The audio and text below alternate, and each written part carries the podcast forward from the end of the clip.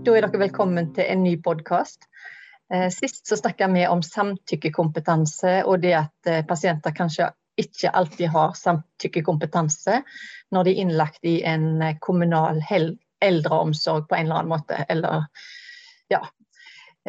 Så i dag så har vi tenkt å snakke om når pasienten ikke har samtykkekompetanse, og der en faktisk da gjerne må bruke tvang jeg snakker nå, er Bente Kvilhausvik, og jeg er førstelektor i sykepleie i Høgskolen på Vestlandet i campus Stord. Og jeg skal få lov å snakke med deg, Stine. Ja, hei. Jeg heter Stine Petersson, og jeg jobber i Elverum kommune innenfor helsesektoren der. Og der er jeg jurist. Mm. Og du, Tobias?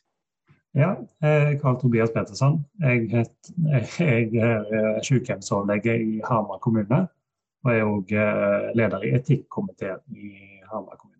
Mm, ja, så det syns jeg skal bli spennende å få denne samtalen her, altså. Mm. Det er et litt lada ord, tvang. Må si det. det høres ikke så veldig kjekt ut? Nei, det gjør jo ikke det. Eh, I dagligtalen så er det vel nesten utelukkende negativt. Det er jo ofte ulovlig, f.eks. Og det er jo litt sånn Å, jeg følte meg tvunget til da. Åh, her er det mye tvang og veldig negativ eh, betydning. Mm. Det er det absolutt. Eh, og det, det, er kanskje litt uheldig at man bruker det samme begrepet, selv om det er veldig beskrivende for det man driver med. Men det er kanskje dumt at man ja. bruker det samme begrepet i helsevesenet, fordi at man starter litt i motbakke når man kaller det tvang. Ja. Eh, da, så fort man sier at her må vi bruke tvang, eller det trengs mer tvang, så blir det eh, da vil folk anta at Og det er negativt. Det, da vil de steile litt. Mm. Mm. Eh, og hvis en tenker sånn eh, stortingsmeldinger og ja, lovverk og mm. egentlig all, alle politiske føringer, mm. eh, de vil jo på en måte peke i retning av at en skal forsøke å unngå tvang. Ja. Eh, det er jo en gang sånn at vi er et demokrati, og det, de som lager lovene våre, de eh, er jo avhengig av å bli valgt inn. Eh, det kan jo kanskje alle forstå at det er ikke så lett å vinne valget med parolen 'mer tvang'. Eh, det, det forstår vi jo. Mm. Så det, kan, det, er klart at det er litt sånn utfordrende eh, kommunikasjon rundt det. Mm. Og et av formålene med de reglene vi har om tvang, er jo å forhindre bruk av tvang, f.eks. Det er mm. ganske gjennomsyra av det at at man skal bruke minst mulig tvang, da. Mm. Ja da, og det er jo bra det. Det er jo, det er jo mm. bra at eh, liksom alt regelverket rundt oss at det peker i retning av at her er det et demokrati, og her skal vi få lov oss å velge mange ting sjøl. Mm. Og i alle fall ikke bli påtvungen eh, noe vi ikke ønsker. ikke sant? Men så mm. er det jo det da med at eh, personer har rett til helsehjelp, sant? som gjerne er hensikten med at en skal av og til, av og til må ty til tvang. Mm. mm. Og når pasientene ikke har evne til å gi sitt samtykke i en del situasjoner, så må en kanskje gjøre det. Det er jo helt riktig. Det er jo eh, rett og slett for oss personer som ikke har samtykkekompetanse, får eh, nødvendig helsehjelp. Mm. Mm. For det har de jo rett på, selv om de ikke klarer å samtykke og ikke klarer å forstå selv at de trenger det, f.eks. Mm. Som er en del av vurderinga av samtykkekompetansen. Ja. Eh, ja. Men det mm. Mm. Ja, jeg, har trekke, jeg har lyst til å trekke inn litt, så vidt litt uh, historiske linjer i det. For ja. i uh, gamle dager, skal man si, eller ja, for en, noen tiår siden ja. så, så, var jo dette her med, med selvråderett, altså autonomi, er mindre eh, i fokus da, enn det er i dag. Da var det i ja. mye større grad helsepersonellet som bestemte, og, og sånn var det. Og, eh, mens eh, og, og, da var det jo veldig mye mer tvang enn det er i dag. Ja. Eh, men eh, eh, tvangen er blitt veldig mye mer formalisert. Altså at det er innenfor lovlige rammer. Da. Mm. Den tvangen som er i dag, er mer formalisert? Yes. Ja. Du kan kanskje nesten si at den har kommet mer opp i dagen.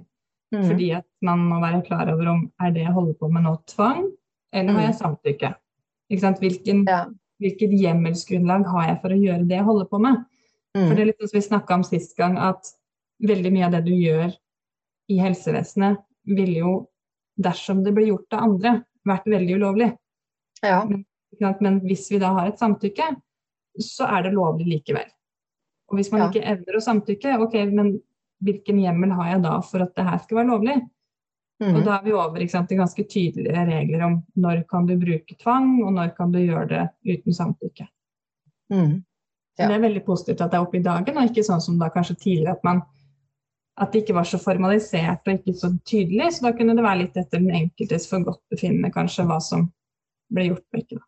Mm. Ja, og det er klart at eh, altså, Vi har jo dette med institusjonalisering òg. Eh, mm. I at personer, eh, når de blir pasienter, tilpasser seg til helsetjenesten sin eh, ja ja, hva skal du si, både rom og arbeidsformer og kommunikasjon og alt. Sånn at, mm. men, det, men, det, er ikke det vi snakker om nå. Eh, nå, nå, går vi litt lenger inn i det, dette, dette, med et bang ikke sant, i dag. Mm. Eh, for Det er klart at det andre det, det hadde vi kunnet snakket om òg, men det kan hende vi skal snakke med en sosialantropolog om det isteden. Ja, spennende. Det kunne vært spennende. Mm. Ja, jeg tror kanskje det kunne vært veldig spennende. Mm. Men eh, ja, en forsøker å unngå tvang. Mm. Mm. Så langt det er mulig. Ja, mm. og da er det at pasienten har noen rettigheter, og helsepersonellet har noen plikter oppi det. Mm. Og hva er det en må tenke på? Pasienten har jo fortsatt rett til nødvendig helsehjelp. Ja. Mm og eh, helsepersonellet har plikt til å yte nødvendig helsehjelp. Ja. Men så kommer jo det i konflikt med, eh, med det at noen må ha samtykkekompetanse til det en gjør. Mm. Ja. Når du ikke kan få det, så, så eh, må vi forholde oss til et eh, spesielt lovverk. Eh, og det må være innenfor visse bestemmelser da, for, og, og, forutsetninger for at uh, en skal kunne gi den helsehjelpen uten samtykkekompetanse. Ja. Uten samtykke fra pasienten. Ja, det, man, kan jo, man, kan jo, oppleve at pasienten eh, ikke motsetter seg helsehjelpa. og ja. da kan det tvang. Ikke sant? At, at, helsepersonellet beslutter hvilken helsehjelp du skal ha. Ja. fordi du ikke evner å samtykke selv men man motsetter seg heller ikke. Og det er jo ikke det vi snakker om nå. Vi er jo over i det. Det er ganske alvorlig i at en pasient, enten ved handling eller ved ord, eh, rett og slett uttrykker at ja, men jeg vil ikke. Ja. Eh, og hvis da, hvis da, ja, for det, hvis, for det, snakket vi egentlig, vi var litt innom det sist. Mm. At eh, Hvis pasienten da er samtykkekompetent og sier at 'jeg vil ikke ha nødvendig helsehjelp', Mm. Eh, og vi har forsikret oss om at pasienten skjønner hva det innebærer. Så må vi forholde oss til det som pasienten sier. Det stemmer. Og det, det er jo litt det her eh, som sikkert Tobias har opplevd mer av. Det her med fortvilelsen hos de pårørende som ønsker at den de er pårørende til, skal få mer hjelp. Mm. Eh, men der vedkommende er samtykkekompetent og har sagt nei. Og da mm. blir det ikke noen hjelp fordi de har ikke ønska den. Nei, selv om det er da nødvendig helsehjelp, så, så, blir det ikke noe hjelp. Og da, mm. da, er det lett å Og Det er jo klart det er noen unntak der, men de er jo ganske ja. snevre. Så Hovedregelen er jo har du sagt nei, så da har du takka nei til hjelp, og da får du den ikke. Du kan selvfølgelig komme tilbake og angre deg, men, men tilbudet er alltid stående. Ja. Eh, men, men, det er fortvilende for de rundt. Og det gjelder jo kanskje særlig innenfor rus eh, og psykiatri. Der, der man på en måte ser at den man er glad i, går til grunne, eller blamerer seg selv, eller på en måte det de aller fleste ville sagt er åpenbart trenger hjelp, mm. Eh, men fortsatt er samtykkekompetent. Og da, mm. ja. Det kan være ganske fortvilende, tror jeg. Så det første vi må gjøre, det er å ta en vurdering i forhold til om personen er samtykkekompetent. Mm. Eh, og hvis vi finner at vedkommende ikke er samtykkekompetent, så kan vi måtte gjøre, gjøre eh, ting ved tvang. Ja. Og da er det klart, da er det jo mange vilkår osv. Mm. Ja, og det er dette med tillitsskapende tiltak. da, At en må eh, forsøke å få en god dialog med personen. Mm. Eh, og at en må forsøke å gå i samarbeid. En må ja, lytte empatisk Mm. til vedkommende. Mm. Eh, og kanskje da, hvis en da får opparbeida en liten relasjon eh, som er positiv, eh, så kan det hende at eh, vedkommende vil høre på oss. Mm. Så det er vel det som ligger i tillitsskapende tiltak, er det ikke det? Ja, det, kan, det er veldig masse egentlig som ligger innenfor det begrepet. Ja. Mm. Um, timing er ofte et viktig moment. Altså Ja. hvis du prøver å Du vil egentlig gi de tablettene i faste morgenrunden, men da vil ikke pasienten ha den. Ja. Og eh, da kan du prøve igjen litt seinere. Og da kanskje du finner et bedre syn hos pasienten litt seinere på dagen. Ja. Eh, og, kan, eh, og at pasienten da kan godta behandlingen da. ja. Som kan ha med vaner å gjøre, blant annet. Det kan ha med vaner å gjøre, og akkurat hvordan har det akkurat i det øyeblikket, som kan svinge litt. Og ja, Mm. Ja. ha det Mm. sammen med en god kopp kaffe, eller ja, sant? At en, at en lager litt eh, Det er miljøarbeid også i veldig stor grad. da. ja, det tillitsskapende arbeidet. Tillitskapende, Ja, Mm. stemmer. Mm. Ja. Vil dere si noe mer om akkurat det, eller? Det er veldig mye å si om det. Altså, begrepet i seg selv er jo veldig problematisk. Det er mulig vi sa litt om det sist gang òg. Eh, men det, det å bygge tillit og relasjon er jo kjempeviktig for helsepersonell i alle situasjoner. Mm. Eh, ikke bare der man har med en som ikke er samtykkekompetent og yter motstand å gjøre. Mm. Eh, så det er, måte, det er veldig fort gjort at det blir misvisende. Eh, men når vi snakker om det, på en måte, det, den juridiske betydningen, så da er det de tiltakene man kan gjøre når man vet at personen ikke er samtykkekompetent. Mm. At man vet at ja, men nå er det helsepersonell som har tatt valget, vi har valgt at dette er den beste, måte, riktige løsningen. Da. Mm. Eh, og da kan man da sette inn tiltak for å overtale, f.eks. Eh, eller overbevise. Sånn, altså sånne tiltak som man ellers ikke kan bruke. Ja. Eh, kan godsnakke med, få på glid, alle de her begrepene vi bruker. Mm. Eh, mm, Som kan være litt manipulering, egentlig. ja, til å bruke det det er et riktig begrep. Ja. Eh, og noen ganger så kan jo f.eks. et tillitsskapende tiltak være å ikke gi pasienten anledning til å si nei. Ikke sant? At man på en måte ikke at man ikke går i den konfrontasjonen. At man ikke på en måte, legger til rette for motstand. Mm. Eh, ja. Man er ikke pålagt å presentere behandlingen som et valg, egentlig, i eh, en situasjon der du vet at pasienten ikke er samtykkekompetent. Mm. Det er jo uansett egentlig ikke en god pasientbehandling å oppfordre til en konflikt. Når man uansett Nei. vet hva utfallet vil bli. Mm. Mm. Så det er Da kan en tenke for at Hvis en skal bruke eh, en form for manipulering eller For det, det er jo på en måte en har, Da har en jo på en måte det i bakhodet at Mm. vi vet at denne pasienten er ikke samtykkekompetent i denne situasjonen. Mm. Eh, og det er nødvendig å gi denne helsehjelpen sånn og sånn for at ikke den skal få et eh, stort helsetap, f.eks. Mm.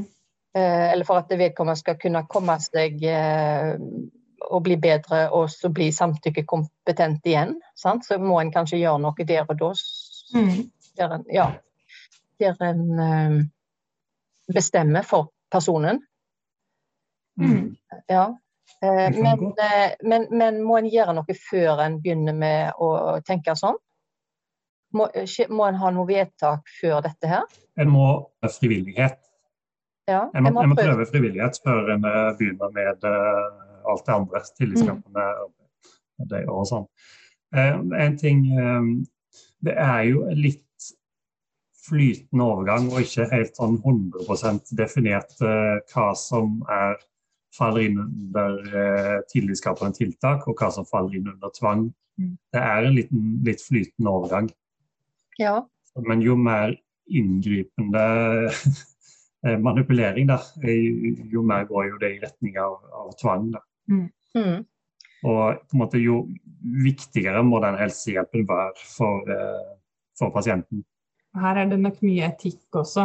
Eh, man, man, kan snakke litt om eh, former for tiltak som man bare eh, som man mener at dette kan vi ikke gjøre. Altså Noen former for tvang kan vi bare ikke bruke.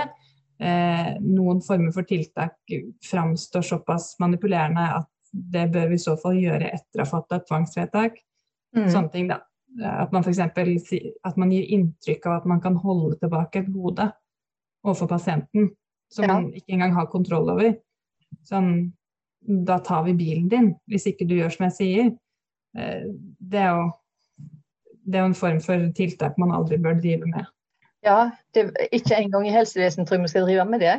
det er etikk og veldig mye sånne ja. tanker rundt det. Ja.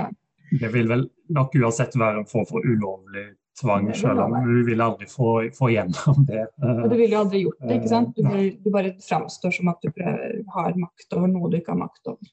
Mm. Ja, og det er eh, vel aldri lurt å lure pasienten, egentlig. Nei. Så vi må finne litt andre måter. En må av og til kanskje bare bestemme, men så er det når en trenger en lovhjemmel, eller når en trenger uh, å, å, fatte et vedtak. Da. Jeg vet, vet vi har hatt bl.a. Altså, eh, altså eldre personer som eh, altså, ikke klarer å holde på avføring, og som da går det galt. Eh, og som ikke vil vaske seg. Og på en måte det kan bli ganske sånn eh, problematisk, egentlig. Ganske fort. Og hvis det er det over tid, så eh, har jo gjerne det vært et sånt eh, område som en av og til har måttet gjøre noen sånne tvangshandlinger. Mm. Men hva tenker dere i en sånn en sammenheng? Når er det en skal fatte vedtak i forhold til det? Nei, det må jo være sånn at en eh, Altså å blamere seg har en, har en eh, lov til i veldig stor grad. Eh, og lukte vondt og sånn, det, det, må vi nok akseptere. Men um, når det gir en helseskade når det lar være å gi helsehjelpen, så kan det være grunnlag for tvang. Ja. ja. Og den, eh, det eksempelet det minner meg om en sak eh, jeg har hørt om, der eh, det var en person med uttalt kognitiv svikt som da i tillegg til eh, det problemet du beskriver, også drev med å grisa med avføring etterpå. Mm. Eh, og Hvis man bor på et sykehjem og gjør det i fellesarealet, eh, så har du over både tobiaser om blamering osv. Og, og sjenanse for andre, men også at det på en måte kan være farlig for de andre. Eh, men, ja, da tenker vi bakterier og Ja. Det er jo ofte personer med nedsatt immunforsvar osv. Mm. Eh, men ingen av de grunnene der er gode nok til å bruke tvang. Mm. Ikke beskytte de andre, ikke beskytte pasienten selv mot å blamere seg, ikke beskytte personalet mot, uh, mot sant, lukt og, og og det faktum at de syns at det her er, eh, er trist. Mm. Ingen av de grunnene er gode nok. Det må mm. være pasientens egen helse man, eh, man tar utgangspunkt i. Da. Ja. Eh, ja. Pasientens egen helse. Eller det kan være nødverge da, for andre pasienter. Mm. Ja, i forhold til bakterier. I forhold til bakterier, f.eks. Ja, og, mm. eh, som du beskrev, at de andre pasientene kan bli syke av bakteriene og sånt. Mm. Det blir ikke det hvis man går bak og vasker. Det er forferdelig trist å si det, for det blir veldig mye jobb. Eh, men det, men det i seg selv er jo ikke nok til å fatte et tvangsvedtak om, om vask og stell. Mm. Mm. Men de kan jo bli psykisk påvirket, og de kan få dårligere helse med pasientene pga. at en pasient oppfører seg på mm. den måten. Mm.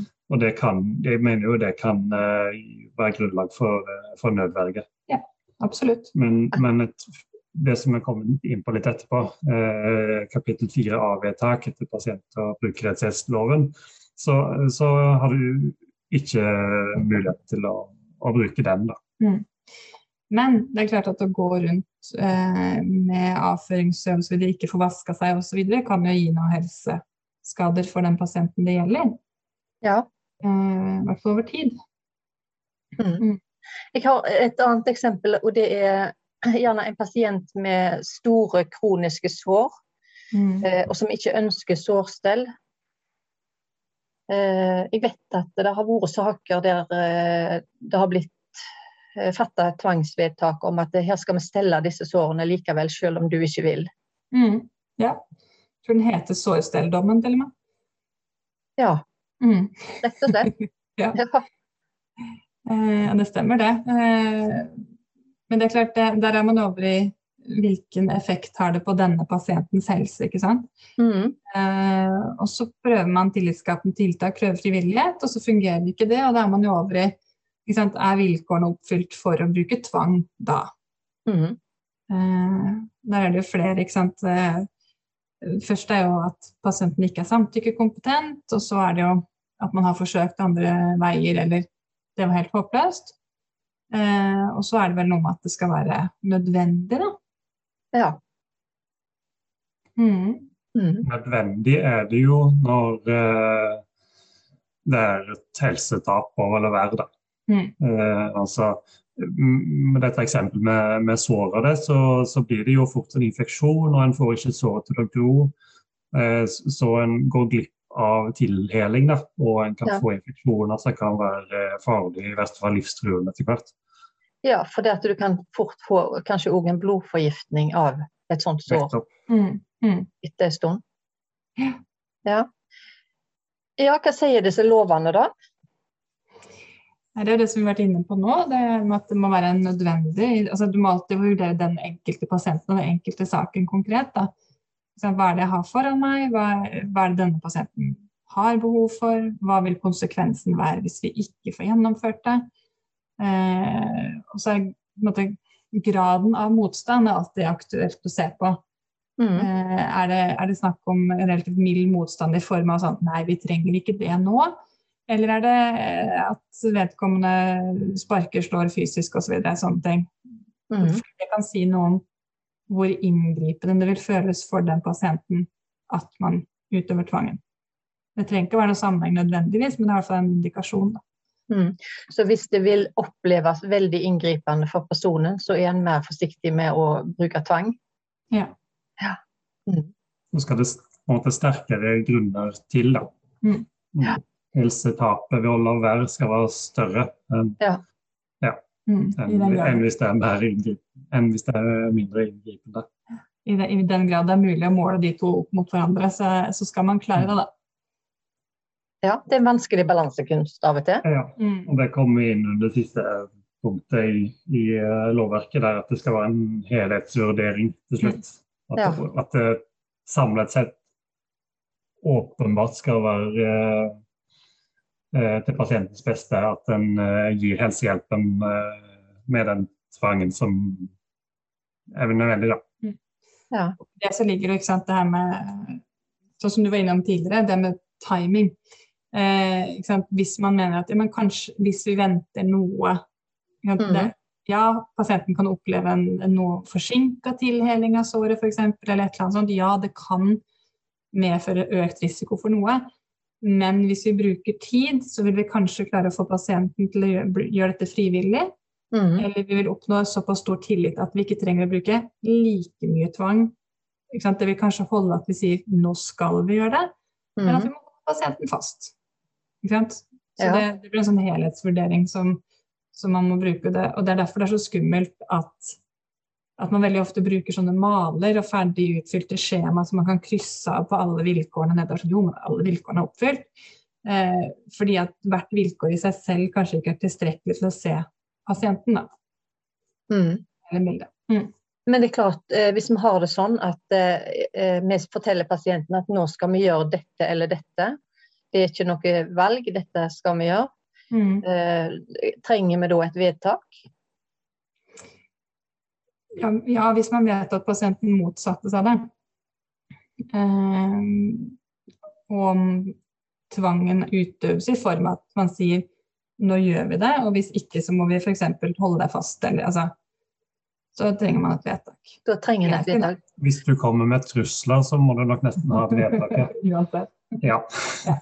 Men hvis du bare sier nå skal vi gjøre dette her, nå, gjør, nå steller vi såret ditt, da eh, eh, kan nok det telles som tillitsskapende uh, tiltak. Ja. Så som vi var inne på i stad, det her med at man skal ikke lage den konfrontasjonen med å spørre. Det er, eh, men det er, det er, litt sånn typiske tvang og tillitsskapende tiltak at, at, det er litt gråsoner. Og det er mm. derfor vi sier at du må vite at du har med en ikke samtykkekompetent person å gjøre når du beveger deg over tillitsskapende tiltak. Mm. Fordi at de er ganske nær tvang. Ja. Og så er det noe med eh, når det haster veldig. Altså eh, det med øyeblikkelig hjelp-situasjoner der en blir nødt til å gjøre noe. Mm, mm ja, F.eks. Hva, hva tenker dere der? Hva vil dere si der?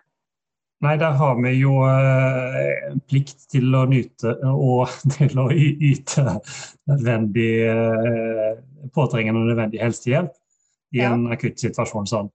Og da spør du ikke etter samtykkekompetanse. Nei, Du spør ikke etter vedtak heller? Spør, spør ikke etter, Nei da, det er vedtaksløst. Eh, og, men, men, det stilles særlig store krav til, at, eh, til hvor nødvendig helsehjelpen er. Ja, klart det. Og det er jo, det er jo typisk å mene at dette skal dekke sånn akuttsituasjoner. Trafikkulykker, veldig akutte krisesituasjoner sånn medisinsk og ja. Mm. ja. Det ligger litt i det at man tenker at dette er situasjoner folk typisk ikke er i stand til å ta rasjonelle valg selv, da. Ikke sant? Ja. ja. Ikke minst har ikke tid til å, mm. å ta valg. Ja. Mm. Mm. Eller ofte og, kanskje bevisstløse også. Det er de ofte, men mm. selv om de er samtykkekompetent, og kanskje til og med at det er tydelig i den situasjonen, så, så har en både rett og plikt til å, å gi nødvendig helsehjelp. Ja. Og det er vel der, eh, kanskje, hvis en tenker sånn eh, Hvis det er en person som er veldig syk, eh, og at en faktisk har snakket om det på forhånd, kanskje med pårørende, om en skal foreta gjenoppliving hvis det skulle vise seg at personen får en plutselig hjertestans eller noe sånt. Riktig.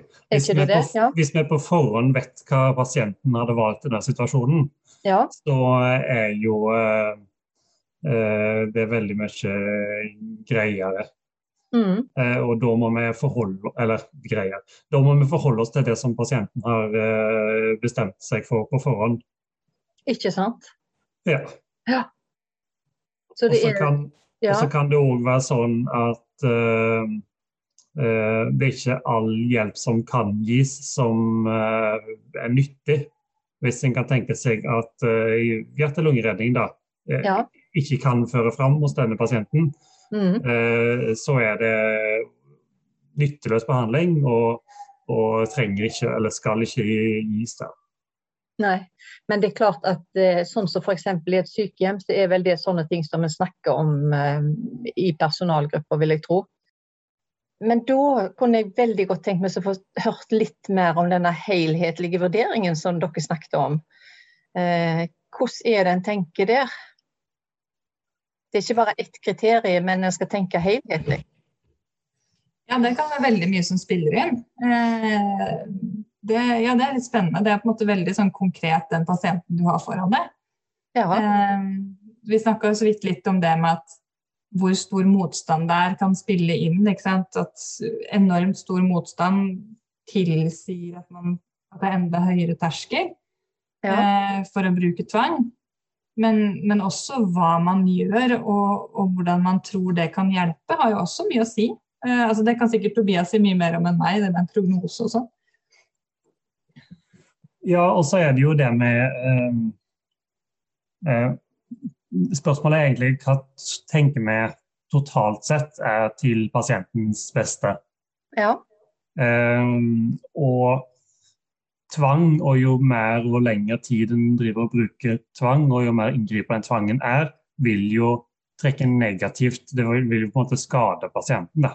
Eh, og skade tilliten til helsevesenet, kanskje, for, for den pasienten. Ja. Og, ja, og den, den, type negative faktorer. Da. Det kan òg gjøre at eh, effekten av behandlingen kan være dårligere, kanskje aller mest innenfor psykiatrien. Men, eh, men ellers òg så, mm. så, får en ikke samme nytte av en behandling som pasienten motsetter seg. Kanskje pasienten saboterer litt for behandlingen, der, rett og slett, ved sin motstand. Mm. Så, så da, da, har en Da må det være enda Hva skal vi si Enda større forventet nytte av eh, helsehjelpen. Da. Mm. Eh, for at det skal lønne seg for pasienten. Hva skal si. Mm, for det er pasienten det skal lønne seg for, og ikke oss? Det er kun pasienten dette her handler om. Dette er jo tross alt i pasient- og brukerrettighetsloven. Eh, den eh, eh, hjemmelen for tvang da, etter kapittel fire. Mm. Eh, og den, eh, som, som, navnet på loven tilsier, så handler det om pasienten. Men det er kun veldig fokus på den. Ja, det handler ikke om, om sykepleierens rett til å få utøve omsorg, eller sykepleierens rett til å få gi den helsehjelp og sykepleieren mener er riktig. Eh, nå tror jeg ikke de fleste sykepleiere tenker sånn, men det er på en måte noe med å sette det litt på spissen at det er brukersentrert omsorg eh, man holder på med her òg. Mm. Eh, og så er det noe sant, sånn som du er inne på at kanskje pasienten saboterer litt, men det kan også være at, at man ser for seg at måten man må utøve tvang på, kan gi en skade, altså potensiell skade for pasienten. Ja. Hvis, man, hvis man må holde fast, eh, bruke belte, Eh, hvis man må bruke tilbakeholdelse ved låst dør, kan pasienten skade seg i forsøket på å komme unna. Eh, sånne ting, da. Eh, og hvis man tenker at det vil være noe man vil gjøre gjentatte ganger, så vil den kanskje skaderisikoen øke litt, da. Um, Absolutt. Mm, og da, sant, da, veier man det opp mot hva er det vi tror vi får ut av det her. Mm. Og drømmesituasjonen er vel hvis du har en pasient med en relativt enkel somatisk tilstand. Eh, der man ved et enkelt inngrep, da kan du si, eh, et mm. enkelt tiltak, én gang kan forhindre at pasienten dør. Ja. Hvis du er så heldig. Ikke sant? Det er én gang. Trenger ikke bruke veldig mye tvang. Og så er vi ferdig, og så har pasienten da istedenfor å dødd fortsatt å leve. Det er jo drømmesituasjonen. Mm. Ja. Når det er veldig enkelt å gjøre vurderinger, da. Ja. Mm. Ja, eh, Men jeg vet jo òg at det er eh, situasjoner der f.eks. innenfor psykisk helse der personer har fått tvangsbehandling flere ganger. og som kjenner trygghet med det. Sånn at det, det kan slå begge veier. Men det er klart at en kan òg risikere at personen ikke får tillit til helsevesenet, og, og kanskje får en redusert tillit til mennesker generelt. Og det er jo en negativ helsevirkning. Veldig godt poeng. Mm. mm. Ja. Det er det. Mm. Eh, hvor lenge kan en ha et tvangsvedtak, da? Så lenge man trenger, holdt jeg på å si. Eh, det er litt sånn forskjellige sider av det. Den ene er jo at, at vedtaket er bare gyldig, som det heter. Altså du kan bare bruke det så lenge alle vilkårene er oppfylt. Ja. Så så fort det f.eks. F.eks. hvis du ser at at behandlingen ikke har den ønska effekten, da, ja. så har man jo ikke lenger et gyldig vedtak, fordi at den helhetsvurderingen Der blir ikke utfallet det samme. Mm. Vi gjør dette fordi at vi mener at du vil bli bedre, men du ble ikke bedre. Ja. Da kan man jo ikke fortsette med tvangen. Så det er en, eh, en måte at man må avslutte på. Og ellers så er det jo noen regler om at man kan kun fatte vedtak for ett år av gangen, f.eks. Mm. Eh, mm. Men det første skal vel være litt eh, At en skal ha en gjennomgang litt tidligere enn det? Ja. Eh, sender jo, tvangsvedtakene sendes jo til eh, Det fattes jo den som er ansvarlig for helsehjelpa. Eh, så det kan Det er ikke alltid en lege, det er ofte en sykepleier, f.eks. Eh, og så sender man det til den øverste ansvarlige i kommunen for helsehjelp. da gjerne en sektorsjef eller noe sånt, og så sender man kopi til fylkeslegen, altså statsforvalteren. Eh, og da er det veldig viktig der fordi at um, innenfor den somatiske helsehjelpa så sender man det ikke på godkjenning. Man venter ikke på godkjenning fra statsforvalteren eller fylkeslegen på at man kan bruke den tvangen her. Men, man, men det er en sånn sikkerhetsventil. at Da sjekker de over vedtaket og ser om det er lovlig. Og hvis ikke det er det, så opphever de vedtaket. og Da, da kan du ikke bruke det lenger. Mm. Men fram til det har skjedd, så kan du bruke det. Ja, Så en sykepleier kan fatte et vedtak om bruk av tvang? Ja, absolutt. Men det skjer nok sjelden, vil jeg tro. Um, det, det Nei, det er ikke så sjelden, men, men det er jo noen uh, avdelinger som uh, har veldig mange flere situasjoner der det er nødvendig. Da. Og typisk en, uh, typisk en demensavdeling. Ja, det kan du si. Der kan sykepleierne kan være ganske drevne på å fatte tvangsvedtak. Mm. Ja. Så om det er legen eller om det er sykepleieren eller helsefagarbeideren som skal fatte dette tvangsvedtaket, det har jo med, med oppgaven å gjøre. Det, det er den som, som har ansvaret for den helsehjelpen det er snakk om, som eh, skal fatte vedtaket. Mm. Så for helsefag, nei, for, for sykepleiefaglige spørsmål, som ja, alt av sånn stell og eh, sårskift og ja, hva det skulle være, Eh, som pasienten motsetter seg, som er nødvendig, det, det, kan sykepleiere fatte tvangsvedtak for. Mm. mm. Mens med en gang det er snakk om medikamenter eh, Hvis det er snakk om tilbakeholdelse i institusjon og sånn, så, så eh, Eller ellers behandling som legen har eh, ansvar for, så, så, er det legen som må eh, fatte tvangsvedtaket. Mm. mm. Men det står ikke noe i regelverket noe sted om at dette skal gjøres av sykepleier, dette skal gjøres av lege. Det står det ikke noe sted. Det følger bare av at den som har ansvaret for den typen helsehjelp, også er den som fatter vedtaket. Da. Ja, så Da mener dere at det har med profesjonen sitt ansvarsområde å gjøre? Riktig. Ja. Mm. ja. Jeg, eh, eh, jeg, tenker nok gjerne det, det, er veldig interessant at dere sier dette. Eh, jeg vet ikke om på en måte at eh, det har vært fatta vedtak om tvang i sykepleie som jeg eh, har kjennskap til, på en måte. Mm. Sånn direkte, i alle fall. Ikke, ikke, som jeg har vært involvert i eller, eller vet sånn helt direkte. Mm. Men ja, det er jo logisk. For en profesjon har jo et ansvarsområde, og sykepleie er en profesjon. Sånn at de har jo, har jo sine ting som de kan best. Absolutt. Eh, men jeg vil jo tro likevel at det her, i de aller fleste tilfellene når det blir eh, fatta vedtak om tvang, at legen òg er involvert. Fordi en jobber i team i institusjonene, f.eks. Mm. Mm. Så, så en vil nok være, være, veldig forsiktig med det som sykepleier, vil jeg tro. Uh, men en kan, er kanskje oftere inn i den gråsonen som du snakket om, Stine.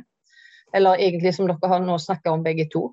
Det kan nok hende. Uh, og det er nok litt, litt en sånn oppfatning at, uh, at, hvis det blir hva skal jeg si inngripende nok eller alvorlig nok, så er det legeoppgave å beslutte det.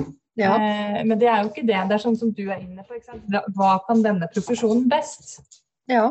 Eh, og det Hva skal jeg si En god, en god sykehjemslege f.eks. vil kanskje til og med kunne si da hvis, eh, hvis sykepleieren kommer på visitt og sier at her tror jeg vi må fatte tvangsvedtak om sårstell eller, eh, eller noe sånt.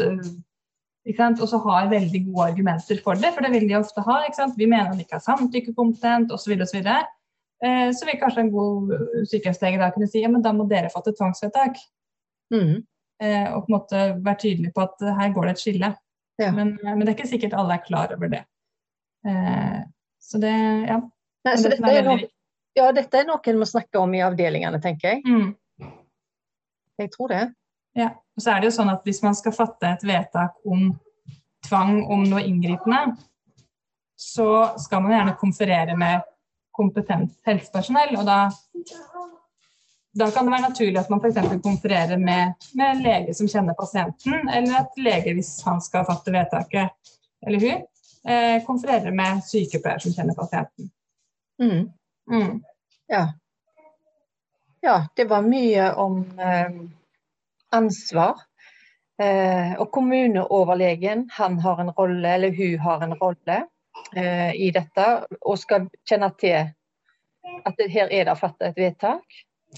Nei, eh, kommuneoverlegen har ofte ikke en rolle inn i somatisk eh, tvangsvedtak.